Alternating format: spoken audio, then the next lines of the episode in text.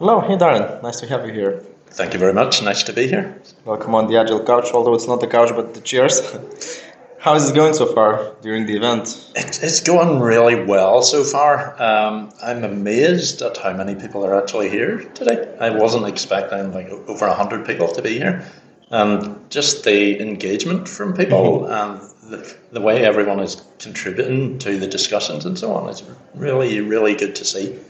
Okay, cool. Yeah, the engagement is really, really great as well. I can see that people are working around, being in the workshops, open space, so many things happening. What was the most, I don't know, exciting that you catch the idea or, I don't know, something triggered?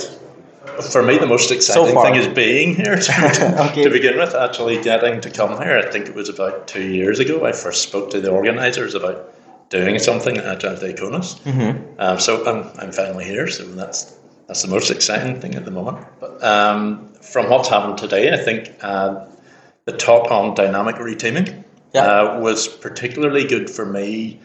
One of the workshops that was done there was getting the team to write down who they were, uh, what their experiences were, what mm-hmm. they could offer to the rest of the team, etc. So that that's something I'm, I might think about taking home and trying with oh. one of my own teams to see if if that can potentially help that team. So mm-hmm. yeah, I'm definitely taking that idea away from today.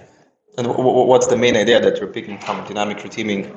Uh, the main idea was that the team really have to get to know each other as human beings first, and what their own hopes and fears and yeah. experiences and things they can bring to the team actually are, rather than just expecting them to magically work together, even though they don't really know each other. Mm-hmm. Um, mm-hmm they have to try and get to know things about each other first and yeah. what might what might annoy someone else. Um, so to try and try and avoid those problems and get them out in the open.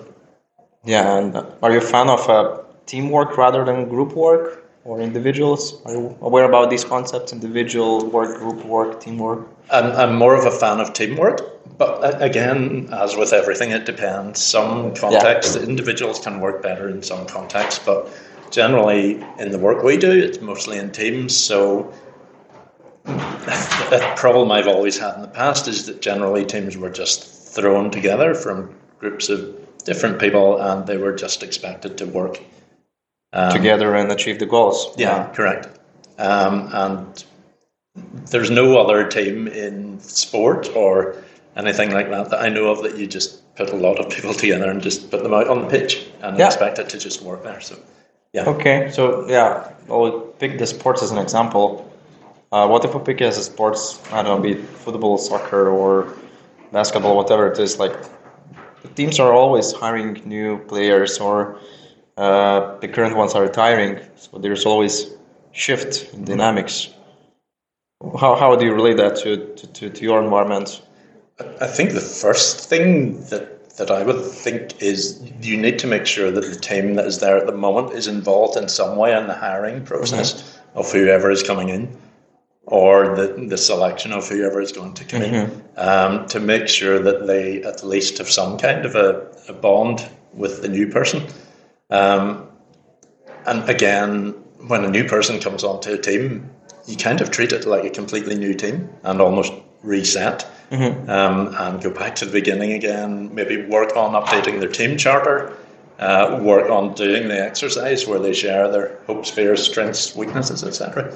So, yeah, I think that's the main thing. The team has to put in a lot of work when someone new comes on. You can't just bring someone new on and expect it to just magically happen.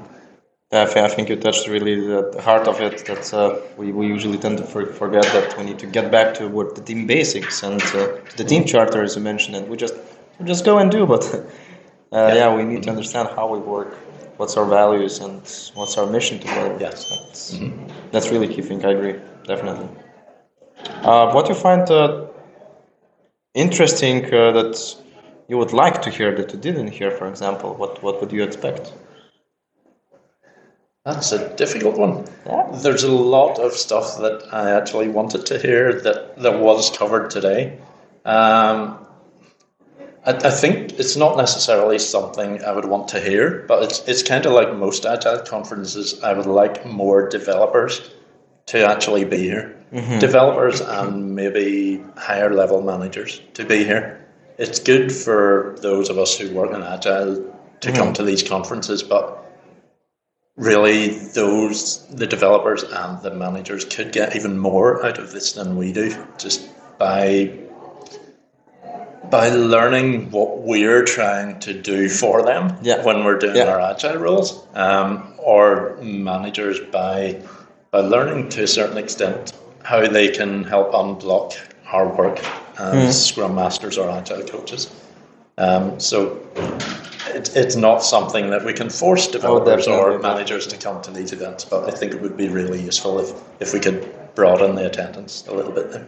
Okay. But having said that, I've met lots of people here who aren't from traditional IT or mm-hmm. development roles, and it's fantastic to see there are people here from HR and recruiting and all other aspects of the technology business as well. So it's great to see. Yeah, it, it is getting better. I, I agree that yeah, more teams and developers, as you mentioned, it would be nice if it would be interested for them. Yeah. But uh, what would you recommend at the end for our listeners? I would recommend if this event happens again next year that they they get their tickets booked as soon as possible and they attend it again next year or they attend whatever similar events may happen at Agile Tour Vilnius or whatever. Um, and also obviously to subscribe to your podcast. Oh, that's cool. That So would be a fantastic start. Are you a listener? I'm not yet, but I'm going to be now. So. Cool. Thanks for Facebook. It's in. English, isn't it? Yes. There are a couple of English as well podcasts. So That's okay. I, I can listen to those ones. thanks, Darren. It was nice to meet you and have you here. Thank you very much. Have a great day ahead. Thank you. Cheers. Cheers.